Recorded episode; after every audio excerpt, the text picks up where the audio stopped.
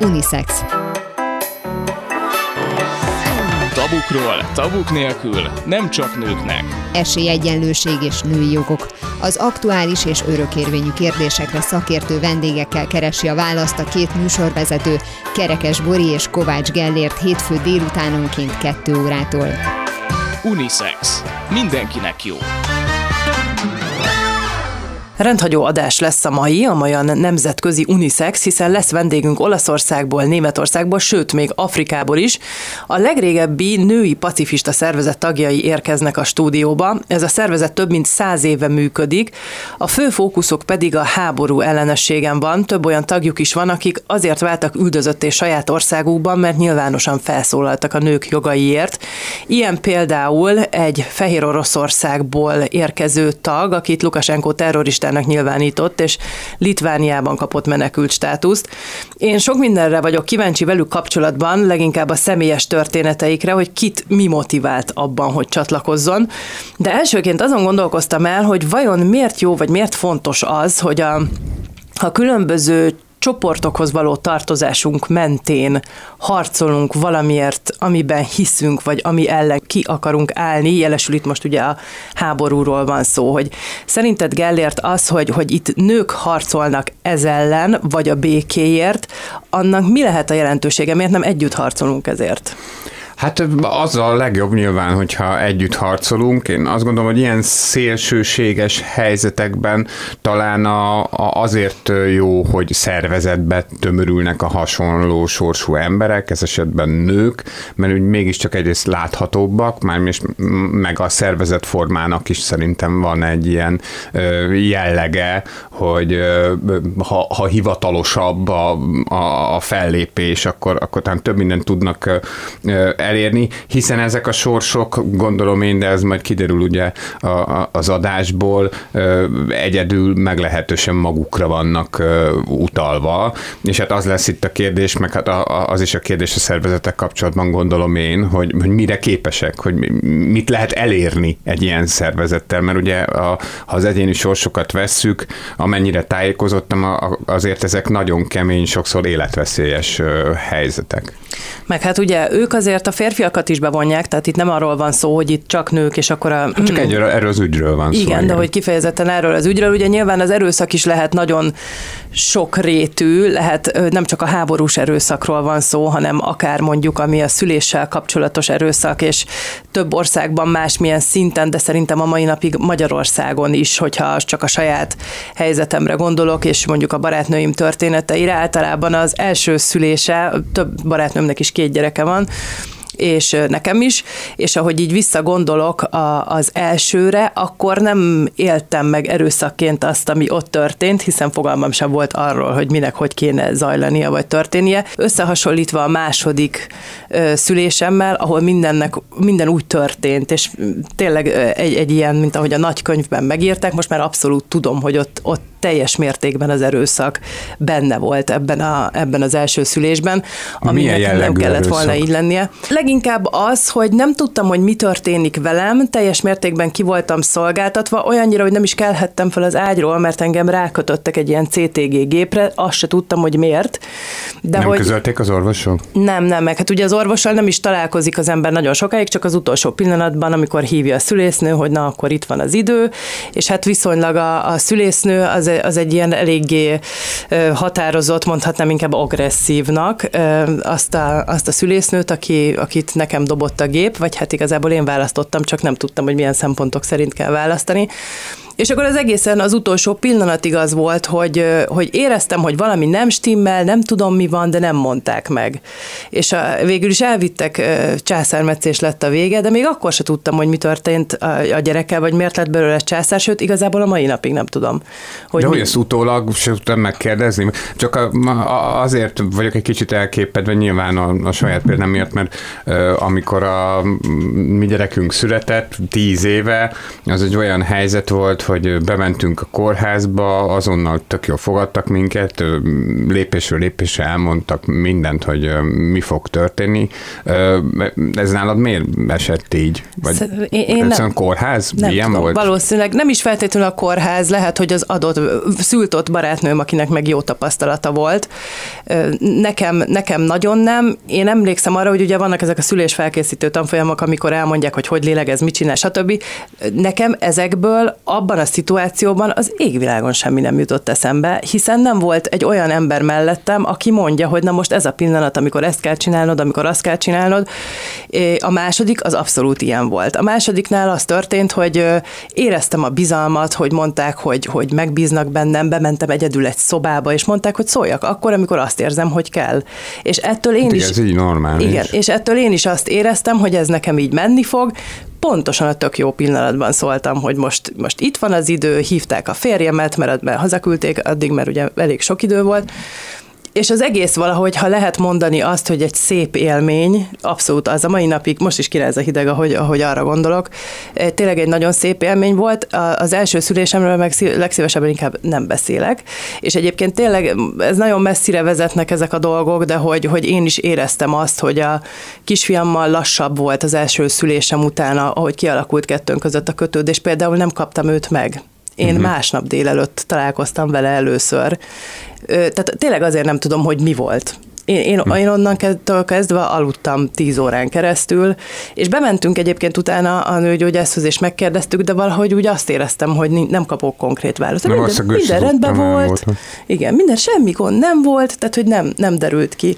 De nyilvánvalóan az erőszak nem csak ezzel kapcsolatos, és a, ennek a szervezetnek a fő fókusza is a háborús erőszakon van, ugye azért is ez egy gyakorlatilag alapvetően pacifista kezdeményezés, csak a nők foglalkoznak vele, de van közöttük olyan, akinek a személyes motiváció például ez a, az egészségügyi erőszak, és kifejezetten a szüléssel kapcsolatos erőszak. És ő melyik országból? Afrikából. Afrikából. Igen, hát azért Afrikában az nyilván még ahhoz képest is máshogy zajlik, ahogy mondjuk nekünk vannak időnként az egészségügyben rossz tapasztalataink think No de halljuk azokat, akik gyakorló aktivistái egy ilyen szervezetnek. Ez a legrégebbi feminista, pacifista szervezet, aminek a tagjai most ellátogatnak hozzánk a stúdióba.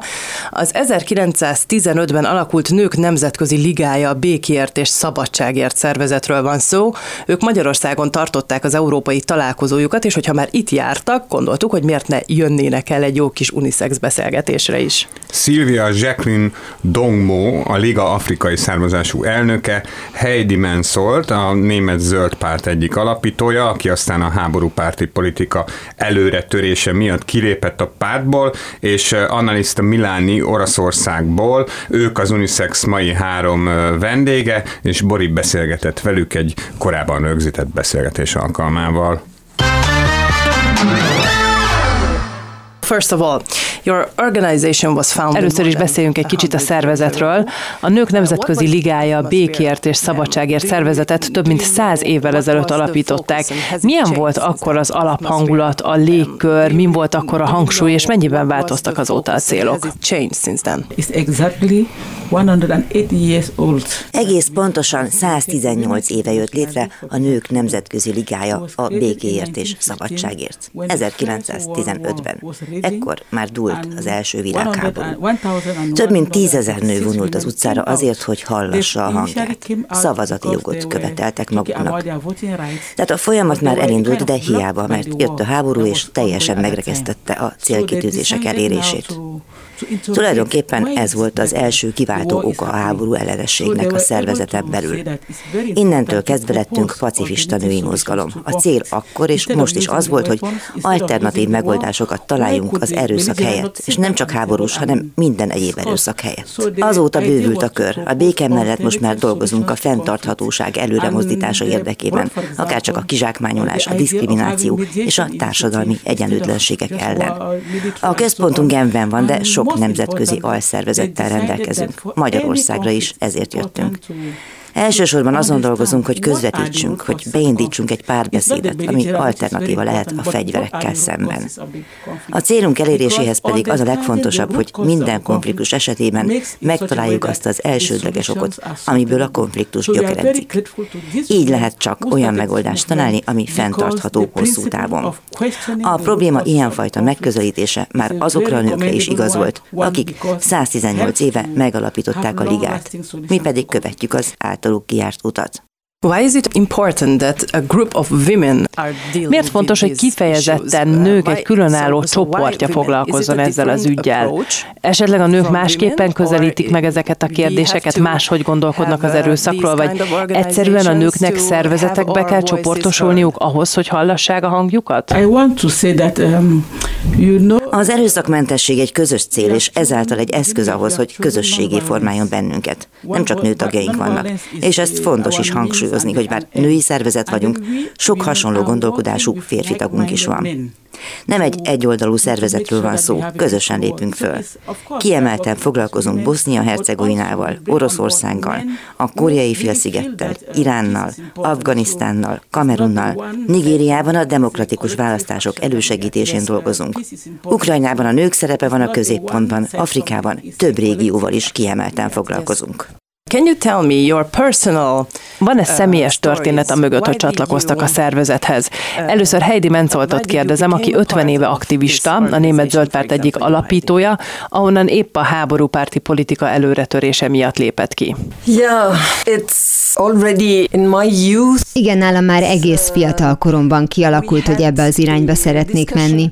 Miután 1918 és 1939 között Németország a Versailles békeszerződést megszegve újra fegyverkezett, az mindannyiunkra nagy hatással volt. Mi megtanultunk erre nemet mondani. Eldöntöttük, hogy nem akarunk ezzel azonosulni, nem akarunk így élni.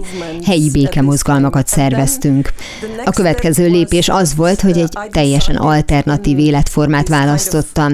Vidékre költöztem, az ökológia és a környezet egyre fontosabb lett, és felfedeztem a kapcsolódást a béke és a környezetvédelem között. Akkoriban még klímaváltozásról nem volt szó, de ma már ez a valóság, amivel szembe kell néznünk. Én azt tapasztaltam, hogy a nők szociális érzékenysége egy másfajta megközelítés. Ezt nevezzük humán biztonságnak, ami az egyénekre helyezi a hangsúlyt a tömegközpontú kormányzati megközelítéssel szemben. A fiatal generációk edukációjára, a környezetvédelemre helyezi a hangsúlyt, ellenszegül a patriarchális erőszaknak, elítél és elutasít mindenféle erőszakot, a háború ezek közül az erőszak legkegyetlenebb formája. Számomra ez volt az a sok összetevős szemlélet, amivel azonosulni tudtam. Voltak mentoraim, karizmatikus női mentoraim. Egyikükkel nemrég írtunk közösen egy könyvet, Németország korábbi külgazdasági miniszteréről van szó. Az ilyen inspiráló emberekre nagy szükség van mindannyiunknak. Én ezért is csatlakoztam a ligához. Annalisa, how did you feel this? So, Annalisa Miláni újságíró így munkája során sok esetben személyesen látja az erőszakot, és első kézből tudja, hogy mi történik a nagyvilágban. Képben van az EU és az ENSZ álláspontjával is, a munkájukkal is. Ön hogyan látja a helyzetet, vagy mi volt az alapvető motivációja? Számomra a legnagyobb löket egy ENSZ konferencia volt 1992-ben Bécsben. A nemzetközi jog megváltoztatásáért harcoltunk. Azért, hogy legyen törvénybe foglalva, hogy a nőkkel szemben elkövetett erőszak, bármiféle erőszak, történjen az családon belül, egy munkahelyen, vagy háborúban, szexuális, verbális, vagy fizikai erőszak, legyen törvénybe foglaltan az emberi jogok ellen elkövetett erőszak. Több ezer nőért harcoltunk a Liga tagjaival együtt a világ minden tájáról. Ebben az időszakban borzasztóan inspirálóak voltak az olyan nemzetközi szervezetek, mint a Liga. A következő lépés az volt, hogy aktívan részt vettem az olaszországi női mozgalomban. Mérföldkő volt az az ENSZ konferencia is, amit Kínában, Pekingben tartottak. Én is részt vettem rajta. Szerveztünk egy országokon átívelő béke vonatjáratot. Így jutottunk el Pekingbe. 900 nő jött el a világ minden tájáról. Mi a Helsinkiből induló vonattal mentünk országokon keresztül egészen Pekingig. Ez egy olyan pillanat volt, amit sosem fogok elfelejteni. Hogy ennyi nő, akik nem is ismerik egymást, a világ minden pontjáról egy közös ügyért útra kell. Ez 1995-ben volt. Az ENSZ negyedik női világkonferenciájára utaztunk, hogy az egyenlőségről, a fejlődésről és a békéről tanácskozzunk. Akkor jöttem rá, hogy a béke fogalma minden nőt összeköt. A béke és a nők kapcsolatát a közvélemény egyedül az otthon békéjét megteremtő háziasszony képével kapcsolta össze. Kizárólag családi vonatkozásban, feleségként és anyaként tekintettek a nőkre. Ekkor döntöttem el, hogy ezen változtatni kell. Nem maradhat a nők szintere a konyha és a háztartás. A békét és az egyensúlyt nem csak a családban tudjuk megteremteni. Ki kell lépnünk a körénk épített színfalak mögül, át kell kerülnünk a cselekvő szerepkörbe. Amikor erőszakról beszélünk, mindig egy gyenge nő képét látjuk magunk előtt. Én ezen akartam változtatni, hogy a nő ne csak csendes elszenvedő legyen, hanem vegye a saját kezébe a sorsát. Ehhez pedig az is hozzátartozik, hogy a mindannyiunkat érintő ügyekbe is beleszólásunk legyen. Még most is sokunk számára nehezen látható a teljes kép, és még mindig nehézséget jelent sok esetben a nőkre nem elszenvedőként, hanem a sorsát irányítani képes cselekvőként tekinteni. Na de az, hogy úgy döntött, hogy kiáll a saját meggyőződéseiért, vagy kiáll azok ellen a dolgok ellen, amiket igazságtalannak tart, az azért van, mert volt valamiféle személyes tapasztalata? Ez egy nagyon összetett dolog. Mindannyian éljük a saját életünket, de a körülmények nagyon eltérőek lehetnek. Iskolázottságban, az adott országban gyakorolt emberi jogok tekintetében, a szociális hálóban, amit az ország biztosít, vagy a szociális háttérben, amit otthonról hozunk. Ez egy nagyon komplex, összetett dolog. A Nők Nemzetközi Ligája békért és szabadságért elnöke Szilvia Jacqueline Dongmo Afrikából származik. Szilviának nem csak társadalmi, hanem abszolút személyes indítatású motiváció motivációja is van, hogy kiálljon a nőkért. Mi ez? Yes, I had um, a bad experience. Nagyon régen történt már, hogy egy kórház nőgyógyászati osztályára kerültem. Egyáltalán nem foglalkoztak velem, felém sem néztek. Egész éjjel magamra hagytak egy kórteremben, ahol egy másik nőnek kellett segítenem, mert vele sem foglalkozott senki. Egész éjjel vérzett, egyfolytában segítségért kiáltott. Annak ellenére, hogy én is betegként voltam a kórházban, segítettem neki, mert senki más nem segített. Másnap reggelre a szobatársam meghalt. Sohasem fogom elfelejteni, amiket a halála előtt mondott. Miután egész éjjel vérzett, végül reggel bementek hozzá az orvosok, hogy konzultáljanak arról, mi legyen vele.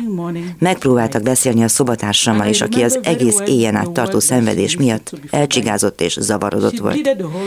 És az orvosok elkezdtek gúnyolódni rajta, kifigurázták, hogy nem válaszol a kérdéseikre.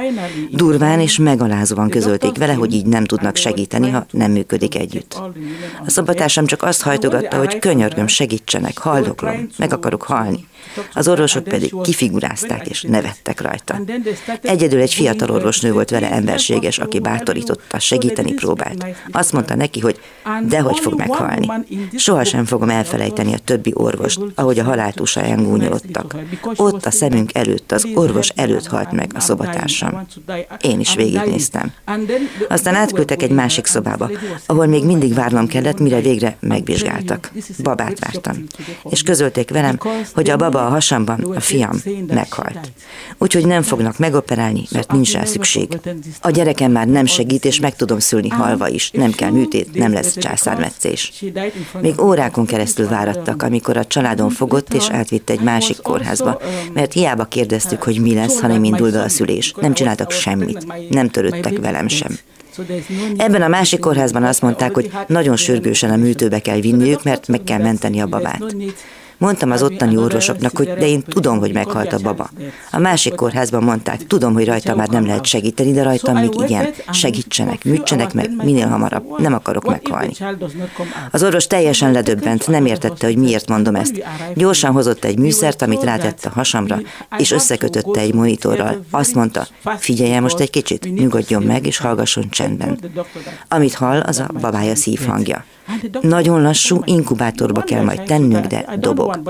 Bevittek a műtőbe, császármetszéssel megszületett a fiam, inkubátorba rakták. De sajnos addigra már nagyon sok vért tesztett a születése előtt a hosszú órák alatt, amíg a kórházban nem foglalkoztak velünk, és én csak tétlenül vártam. Három nap múlva a kisfiam meghalt a kórházban. Úgyhogy ez a két történet az, ami a kisbabámmal történt, és az, amit a szobatársammal csináltak, késztetett arra, hogy harcoljak ezért, hogy ez, ami velünk történt, a világon semmelyik másik nővel ne történhessen meg. Ezért dolgoztam egész életemben. Ezért csatlakoztam a ligához is, és lettem az elnöke, hogy tegyek az erőszakmentességért, a békéért, a nők és az emberek jogaiért. 2018-ban is volt egy olyan élményem, ami szintén nagyon meghatározó volt. Kelet-Afrikában, Burundiban vettem részt egy képzésen, ahol a nemekhez kapcsolódó erőszakmentes bánásmódról volt szó.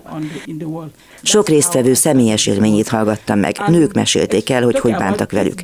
Ruandából és Burundiból, Közép-Afrikából jöttek. Én egy olyan országból származom, ahol nem kezeltük áldozatként a nőket. Nem is történtek olyan szörnyűségek, amikről ezen a konferencián hallottam. Teljesen a történetek hatása alá kerültem. Nem tudtam én sem, hogy így bánnak nőkkel, néhány országgal arrébb tőlünk. Úgyhogy ugyanebben az évben, mikor visszautaztam Kamerunba, elkezdtem összeszervezni a kollégáimat, megosztottam velük, hogy mit tapasztaltam Burundiban, és elkezdtünk azon gondolkozni és dolgozni, hogy hogy lehetne biztosítani, hogy semmiképpen ne történhessen meg. Még csak hasonló se nálunk. Egy olyan védőhálót akartam létrehozni, ami garancia arra, hogy megelőzzük, hogy idáig eljussunk, ami megvédi a nőket a teljes kiszolgáltatottságtól és erőszaktól. Elkezdtünk felépíteni egy kezdeményezést, ami minden erejével azon dolgozik, hogy a nők biztonságban legyenek a saját országukban. Egyre jobban belefolytam a különböző békeszervezetek munkájába. Elkezdtük a sajátunkat. Helyi szinten a saját kisközösségeinktől kiindulva eljutottunk az országos szintig. Egy pár év múlva, talán négy évvel később már utaztam is Isztambulba egy konferenciára, ahol a békéről tartottak előadásokat. Ekkor már azon dolgoztam, hogy hogy lehet a gyakorlatban tenni azért, hogy a nők erőszakmentesen élhessenek. Nagyon inspirálóan hatott rám, amit ezen a konferencián hallottam, és ezért döntöttem úgy, hogy csatlakozom ehhez a nemzetközi mozgalomhoz. I got in touch with Wilf. I was so impressed. I was so impressed and that's how I decided to join this uh, global movement. And what do you see? Has things changed, for example, in your És hogy látja, az elmúlt években változott a nők helyzete Afrikában? I'm very, I want to tell you that honestly, Őszintén szólva egyrésztről igen, hiszen most már rengeteg nő áll készenlétbe arra, hogy ha kell, akkor a béke érdekében dolgozzon, azokkal a férfiakkal együtt, akik szintén tudnak azonosulni ezekkel az értékekkel. Másrésztről viszont 2017 óta sajnos egy krízisen megyünk keresztül. Egy nagyon bonyolult, nehéz válsághelyzetbe kerültünk. Annak nagyon örülök, hogy több hatóság és szerv legalább őszintén felvállalja és elismeri, hogy nem hallgattak ránk. Nem foglalkoztak azokkal a nőkkel, akik azzal azzal keresték meg őket, hogy segítsenek az erőszakmentességet hangsúlyozó program gyakorlati megvalósításában. Sokan elküldtek bennünket. Azt mondták, hogy semmi szükség egy ilyen programra Kamerunban, mert ezzel csak azt hangsúlyozzuk, azt akarjuk ezzel mondani, hogy ebben az országban nincs béke. Hiába mondtuk nekik, hogy az, hogy a békéért dolgozunk, nem jelenti azt, hogy akut konfliktus van, amit meg kell oldani. A megelőzésre szeretnénk fektetni a hangsúlyt, hogy minél kevesebb esetben fordulhasson elő nálunk erőszak, hogy legyen tervünk arra az esetre, ha mégis előfordul, vagy arra, ha konfliktus helyzetbe kerülünk. Összeállítottunk egy nemzeti cselekvési tervet, ami abban segített, hogy megelőzni vagy kezelni tudjuk a konfliktust, akár a fegyveres konfliktusokat. De sajnos nem működik a kezdeményezés egyszerűen azért, mert nem figyeltek ránk, nem hallgattak meg, legfőképp pedig nem értettek meg bennünket. Ezért örülök, hogy csatlakoztunk ehhez a globális mozgalomhoz, mert ez, amit itt csinálunk, az valódi, és itt tudunk tenni a célok elérése érdekében, és tanulunk egymástól. Ezért vagyunk most itt Budapesten, ahol a Liga konferenciát tart, hogy tanuljunk és képesek legyünk végrehajtani az összes lehetséges megoldást a különböző országok különböző kontextusaiban, körülményei és élethelyzetei között. Can anyone, any of you tell a szervezetnek olyan tagjai is vannak, akiknek el kellett hagyniuk a hazájukat azért, mert kiálltak a nők jogaiért, vagy mert felléptek az erőszak ellen, vagy egyáltalán azért, mert vállalták a véleményüket. Róluk mesélnének egy kicsit? We are connected, for example, with Igen, jelenleg az egyik legújabb tagunk száműzetésben kénytelen élni Litvániában, és nagyon keményen dolgozik azon, hogy ebbe a rettenetesen patriarchális társadalomba visszafogadják, helye legyen a saját véleményével, meggyőződéseivel együtt, hogy legyen szava Fehér Oroszországban, amit következmények nélkül hallathat is. Ő is azért dolgozik több országban, hogy az emberekben tudatosuljon, hogy joguk van megtagadni a háborút, ez persze egyrészt rendkívül bonyolult egy olyan társadalomban, ami, mint mondtam, patriarchális, ahol azok, akik háborúba mennek, azok a nagy nemzeti hősök. Ez a történelmi gyakorlat a legtöbb országban sajnos, hogy aki háborúba megy, az nemzeti hős. Dolgoznunk kell azért, hogy világosan megértsék, hogy ez egy jog. Jogunk van ahhoz, hogy megtagadjuk a háborút és az erőszakot. Mondhatjuk azt, hogy mi ebben nem veszünk részt. Elutasíthatjuk a katonai fenyegetést, találhatnak rá más választ. Egy háborúban persze a pacifisták zavaró tényezők. Zavarják azokat, akik akarják a háborút. Pedig nekik is tudniuk kell, hogy nem muszáj részt venni a háborúban. Élhetnek a menedékjogukkal, választhatják a biztonságot. Ez a fehér orosz tagunk az életét kockáztatja őt. Tényleg azt fenyegeti, hogy meghal. Megölik, ha visszaküldik Fehér Oroszországba. De van több olyan tagunk, akik közvetlenül számolnak be a saját fenyegetettségükről. Örményországból és az oroszországi karabasiaktól hallottunk történeteket épp ma reggel. Nagyon aggódnak, mert minden megelőző intézkedésük és a nőkkel folytatott egyeztetések is kudarcot vallottak, és most szembe kell nézniük a következményekkel. Több ezer embernek mindent hátra kellett hagyni a hónapokra, és így kellett elmenekülnie. És itt van Izrael is. És ez mindannyiunk számára, akik elkötelezettek a háború ellen, az erőszak megelőzésében katasztrófa hogy azok is megértsék ezt, akiket nem érint, hatalmas támogatásra és szolidaritásra volna szükség. És ez is egy a szervezetünk feladatai közül, hogy megszervezzük ezt, hogy felhívjuk az emberek figyelmét, hogy tudjanak egyáltalán arról, hogy mi történik néhány országgal vagy földrészsel távolabb. Annalisa, you're a journalist, so you know, Annalisa Milani újságírói, ön hogyan látja a helyzetet? Láttam a konfliktusokat belülről is. Több olyan övezetben is voltam, ahol a nők nem csak elszenvedői voltak az erőszaknak és a háborúnak, de aktív résztvevői is a konfliktusnak, azzal, hogy humanitárius munkát végeztek. Nagyon sokan álltak helyt az emberi oldalon. És nagyon kevés példát láttam arra, hogy nők fegyvert fogtak volna. A nők az ilyen helyzetekben mindig azon dolgoznak, hogy biztosítsák a szükséges feltételeket ahhoz, hogy az élet valamelyest mehessen tovább. Például a gyerekeknek. Az első perctől kezdve azon dolgoznak, hogy újra épüljenek az iskolák, hogy legyenek legyenek kórházak. Emlékszem, mikor Berttel dolgoztam. Óriási pusztítást végzett a háború. Minden romokban hevert. Teljes városok. Rengeteg volt a halott. Az egyetlen ember Bert volt egy tanárnő, aki annak ellenére, hogy családjából három gyereket is megöltek, nem adta fel. Volt ahhoz lelki ereje négy családtagjával együtt, hogy megszervezze, hogy a túlélők kapcsolódni tudjanak egymással. Elképesztő volt számomra az az erő, amivel ment tovább, és nem adta fel. És ezekről senki sem beszél. Ekkor határoztam el, hogy újságíróként ez lesz a dolgom. Ahova tudok, elmegyek, és megírom azokat a történeteket, amik egy háborús krízishez képest kicsi, de emberileg hatalmas erőfeszítések.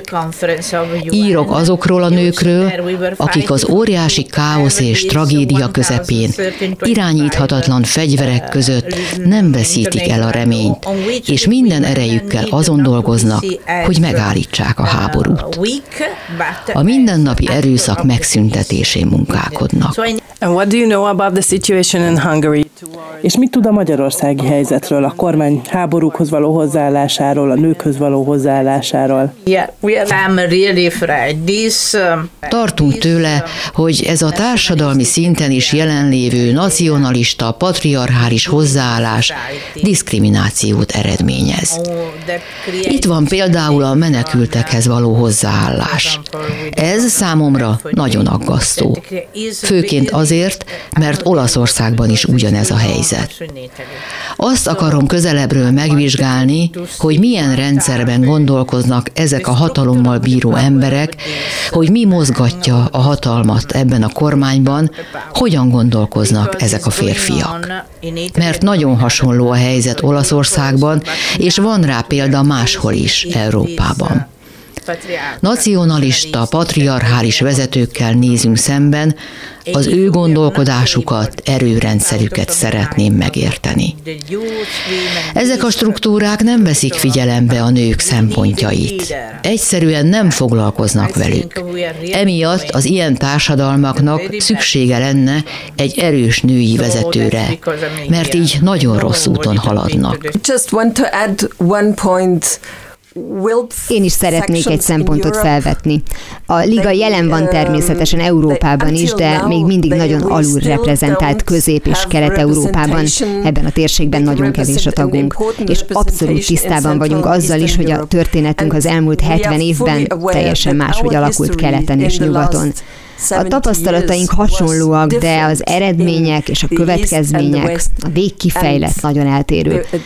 Ezúton is szeretnénk felhívni a magyar barátaink és kollégáink figyelmét a Nők Nemzetközi Ligája a békéért és a szabadságért szervezetre, hogy szükségünk lenne egy magyarországi szekcióra. Nagyon jó lenne, ha itt Magyarországon is lenne egy olyan erős aktivista csoport, aki a közös célok elérésén dolgozik. És még egy fontos dolog Németországgal kapcsolatban, különös tekintettel Bajorországra, én onnan származom. Nálunk az emberek egy része a közvéleménykutatások szerint arra szavazna, hogy erőskezű vezetőnk legyen, és bizonyos mértékben a diktatúrát is elfogadhatónak tartják. Ez egyszerűen elképesztő számomra, úgyhogy Németországban is rengeteg dolgunk van. Igen, és az is, hogy a szabadságra, mint valamiféle veszélyforrásra tekintünk. Nem véletlenül szerepelnek olyan szavak a liga nevében, mint béke és szabadság. És nem csak a nőkkel kapcsolatosan fontosak ezek a fogalmak, hanem a társadalom minden sérülékeny rétegének és tagjának a szempontjából is. Sok olyan sérülékeny társadalmi réteg van, akikkel foglalkoznunk kell. A szabad választás lehetősége magában foglalja a béke választásának lehetőségét is. Borzasztóan fontos, hogy megértsük, hogy ennek milyen nagy jelentősége van. Én újságíróként úgy látom, hogy ennek a hozzáállásnak a gyökerei a manipulációból erednek. Az információ nagyon nagy mértékű manipulációja az ok. Ma reggel 7 órakor beszélgettünk az egyik örmény tagunkkal és barátunkkal, Narával, aki borzasztóan el volt keseredve. Sírt. Sosem láttuk még így. Nem jellemző rá ez a reményvesztettség. Amiatt a több tízezer menekült miatt volt elkeseredve, akik segítségre várnak, de nem tudni, mi lesz velük. És akkor azt mondtam Heidinek, hogy ide figyelj, annak, hogy egyes országokban az emberek veszélyforrásként tekintenek a menekültekre, csak is az az oka, hogy nem megfelelő forrásból informálódnak.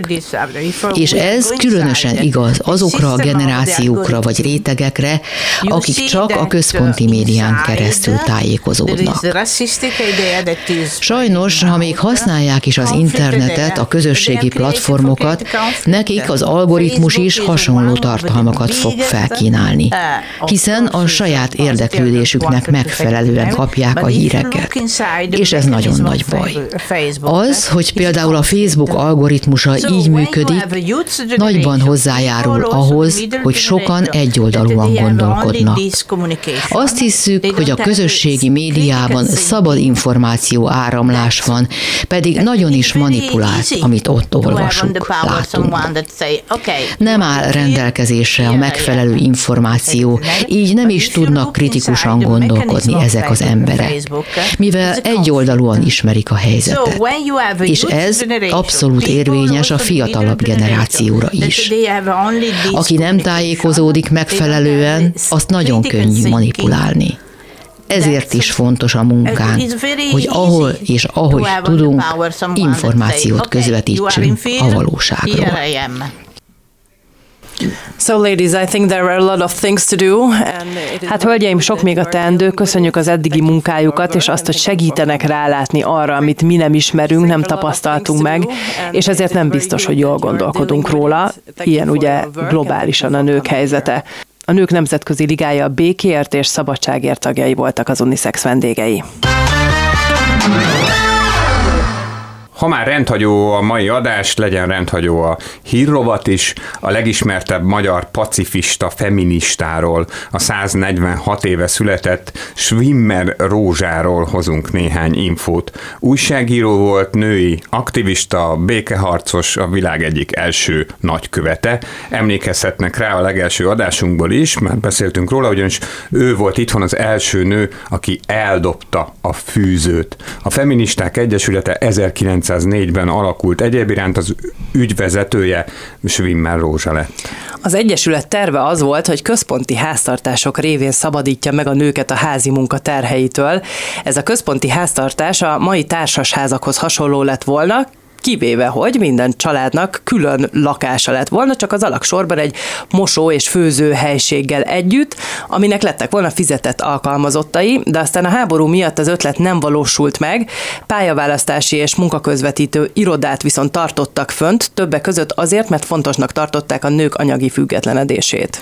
Rövid ideig a Női Választójogi Szövetség sajtótitkáraként dolgozott Londonban, később kinevezték svájci magyar nagykövetnek, mivel azonban az ország nem fogadott el nőt a pozícióban, vissza kellett hívni. Schwimmer felszólalt a vörös és a fehér terror ellen egyaránt, ezért 1921-ben emigrálni kényszerült. Az USA-ban halt meg állampolgárság nélküliként, tehát nem kapta meg az amerikai állampolgárságot, mert pacifistaként nem volt hajlandó felesküdni arra, hogy új hazája védelmében, ha szükséges, fegyvert fog. És szerintem ez is nagyon fontos, hogy foglalkozzunk a női jogok élharc harcosaival, mert hogy szerintem keveset tudunk róluk. Talán Brunswick terésztől kezdődik az embernek a gondolkozása a nagy női alakokról, de túl sokat nem tudunk róluk. Brunswick teréz óvoda, mondjuk ez az, amit Igen, úgy általában ha, ha egyáltalán. Ugye Schwimmer Rózsával kapcsolatban nekem is igazából csak a, a neverém lett, pontosabban valamennyire kapizsgáltam, hogy ő, hogy ő kicsoda. Hát ez, ez nyilván azért van, mert a női jogok nem voltak mindig annyira előtérben, sőt, mint most. És, és hát ezért is, ezért is nehéz ez a harc, amit ezek a nők folytattak, mert valamilyen szinten, hogyha ha nem jegyez meg téged az utókor, akkor, akkor viszonylag nehezen tudsz nyomot hagyni. És hát ezért is fontos szerintem is, hogy beszélgessünk ilyen emberekről, mert ezek rá tudnak világítani, ezek a sorsok rá tudnak világítani arra, hogy azért ez nem egy feltétlenül olyan váratlannak mondható robbanás, amiben most vagyunk, hanem ennek is megvannak a, a, a, a fokozatai, fokozatai csak, meg, meg hát van szerintem azért egy ilyen kimondott, kimondatlan törekvés is bizonyos érdekekben, bizonyos érdekek mentén, ugye, hogy, hogy, hogy ez a mai napig se változzon meg, vagy ne feltétlenül változzon meg a, a, a gyakorlat szintjén, meg ezek ilyen nagyon érdekes mikrotörténetek is, tehát ha, ha csak Kiemeljük például ö, azt az apróságot Schwimmer Rózsával ö, kapcsolatban, hogy, ö, hogy hát egy csomó minden történt vele, egy csomó innovációt kötetünk hozzá, vagy legalábbis annak a, a, a magját, és akkor ugye elmegy a szabadság hazájába, ahol meg azért nem lehet állampolgár, Igen. A, ami tulajdonképpen a személyiségének az egyik lényege, hogy nem akart fegyvert fogni, vagy nem akarja még, még hogy mondjam, szavakban sem, vagy egy esküsz szintjén sem támogatni a, a háborúskodást. Igen, ezek, ezek nagyon érdekes drámai történetek. Igen, én igazából ezért is kérdeztem a, a ligának a tagjait is arról, hogy nekik mi volt a személyes motivációjuk, mert nyilvánvalóan, aki beáll egy ilyen szervezetbe, és, és kiáll mondjuk a békért, vagy a nők jogaiért, annak nyilvánvalóan belülről van valami indítatása, késztetése, akár a személyiségéből fakadóan, de azért többen vannak közöttük, akiknek valóban személyes személyes tapasztalataik vannak, tehát egy olyan a saját bőrükön megtapasztalt helyzetet szeretnének megváltoztatni, na és vagy, vagy akár olyanok is van újságíró közöttük, aki látta azt, hogy mi történik, hogy, hogy mit szül az erőszak, és hogy, hogy nők a világ különböző pontján, vagy akár gyerekek, de a férfiak is milyen helyzetben vannak. Nyilvánvalóan ez egy olyan inspiráció, hogyha az ember ezt egyszer látja, megtapasztalja, és van is a személyiségében ilyen, hogy kiálljon másokért, vagy magáért, munkájáért, akkor ezt innentől kezdve nem lehet elfolytani, onnantól kezdve egy, egy életen át tartó munka. Hát igen, meg az, hogy, hogy ha, ha mondjuk te úgy döntesz, hogy beállsz egy ilyen szervezetbe, és a világon mindenhol képviseled ennek a szervezetnek az, az, az eszméit, akkor az sem kerülheted el, hogy konfrontálódj, hiszen akkor lesz látható, amit, amit csinálsz. Tehát ez, ez nagyon sokszor van itt szerintem a különböző ilyen alapítványokkal, meg szervezetekkel, hogy, hogy, hogy képviselnek valamit, de, de a kompromisszumok sokszor, vagy, vagy akár csak az, hogy, hogy nagyon sok döntés hozó szervezet igazából csak elméletileg támogatja ezeket a, a, a törekvéseket, nem, nem veszik komolyan az, az ilyen szervezeteket, és úgy lehet, úgy lehet talán hatásosabbá tenni, hogyha ha, ha valóban előtérbe helyezzük az úgynevezett áldozatot, amit ezek a nők, ezek a szervezett tagok föláldoztak, vagy ami, ami, ami történt velük. Tulajdonképpen a tapasztalat átadás lehet itt a fontos, mert a, a, a következmények azok igazából az életben a, a legtöbbször alig láthatóak, vagy olyan lassúak, hogy, hogy egy életcikluson belül nem is feltétlenül vesszük észre őket. Igen, egyébként én is ezt mondtam nekik, hogy remélem, hogy nem bántja őket, hogy a személyes kötődésükről vagy tapasztalatikról kérdezem őket, de hogy az emberekhez az empátián keresztül tud eljutni valóban egy ilyen cél. Az embereket a sztorik érdeklik, igen. Igen, igen. Mindig. Viszont ne csak ilyen komoly dolgokról beszéljünk, engem azért Schwimmer Rózsával kapcsolatban megütötte a fülemet, illetve hát ugye az Egyesülettel kapcsolatban ez a központi háztartás, amit ugye be akartak vezetni, csak aztán a háború közbeszólt, hogy így próbáltam elképzelni, hogy lakunk mondjuk egy, egy, egy nagy házban, ilyen lakótelepnek képzelem, és akkor ugye ott sok-sok család, és lent az alsó szinten meg, meg vannak, akik ugye azért dolgoznak, hogy mondjuk besegítsenek a háztartásba, akár mondjuk még ez egy gyerekmegőrzőként is funkcionál, hogyha az embernek éppen olyan dolga van, hogy én nem tartom ezt olyan rossz ötletnek. De ez hogy működött? Ez úgy működött, hogy ezekre a feladatokra voltak, ja nem működött, de akkor az elmélet szintjén mi volt, hogy, hogy lenne egy ilyen, vagy lett volna egy, egy, egy külön alkalmazotti Igen. társaság? Tehát, hogy nem azok a nők, akik ott élnek, nem ők osztják el egymás között? Én úgy értelmeztem, hogy fizetett alkalmazottak. Fi- Igen, tehát fizetett Aha. alkalmazottak lettek volna. Én valahogy ezt azért mondtam a lakótelepet, mert úgy képzelem el, mint ahogy az a szomszédokban volt, hogy ugye az alsó szinten ott van a gondnoki lakás, és akkor a gondnoki lakás helyett lett volna ez a központi háztartási helység. Hát mondjuk azért ahhoz, ahhoz jó nagynak kellett volna lennie, hogy ennyi tehát feladatot ilyen külön konyhás nénie lett volna tulajdonképpen Én, szerint, én úgy értelmeztem, hogy, hogy igen. Igen, meg gondolom én nem tévesztendő össze, hiszen abban semmi forradalmi nem lett volna a cselédtartással? Mert hogy ez nyilván nem ugyanazt jelentette volna. Nem, szerintem, meg hát a, a, olyan szempontból végül is még az is forradalmi lehetett volna, hogy azért a cselédtartás az, az ugye egy bizonyos anyagi szintől, vagy társadalmi szintől megengedhető lett volna. Én, ezt én meg úgy értelmezem, hogy ennek itt pont az volt a lényege, hogy itt közösségek közösen fizetnek azért, hogy a nők válláról levegyenek bizonyos terheket, hogy tudjanak másra koncentrálni. Igen, ez, ez lényeges különbség, mert ugye a klasszikus, mondjuk, amit leginkább az ilyen kosztümös brit filmekből ismerünk, hogy ez a downstairs, upstairs világ, a fentiek meg a, a lentiek, a fenti nemesek és a lenti uh, kiszolgálók, az ugye alapvetően egy ilyen társadalmi megosztást is jelent. Gondolom a, a, a rózsának a, a, az ötletében, vagy ebben a konstrukcióban pont ezt, vagy ennek mentek volna ellen, hogy ez egy, hogy ez egy egyenrangú munkahely lett volna, vagy egy, egy egyenrangú feladat. Tehát, hogy nem... Azt nem tudom, erről egyébként nem szól a fáma. Tehát, hát hogy gondolom, hogy ha akik... egy feministáról beszélünk, akkor csak nem akart kihasználni más nőket, vagy nem tudom. Hát bízunk benne, nem tudom. Az se biztos, hogy nőket alkalmazott volna csak, bár hát abban az időben gyanítom, hogy nem lett volna más. Végezetül pedig jöjjön még néhány friss hír. Bár mindannyiunk általános iskolás tankönyvében az állt, hogy az ősembereknél csak a férfi feladata volt a vadászat, ez a feltételezés most megdőlni látszik. A közhiedelemmel ellentétben az őskorban nem voltak annyira kőbevésettek a nemi szerepek. A tudósok szerint valószínűleg a nők is részt vettek a vadászaton, hogyha éppen arra volt szükség.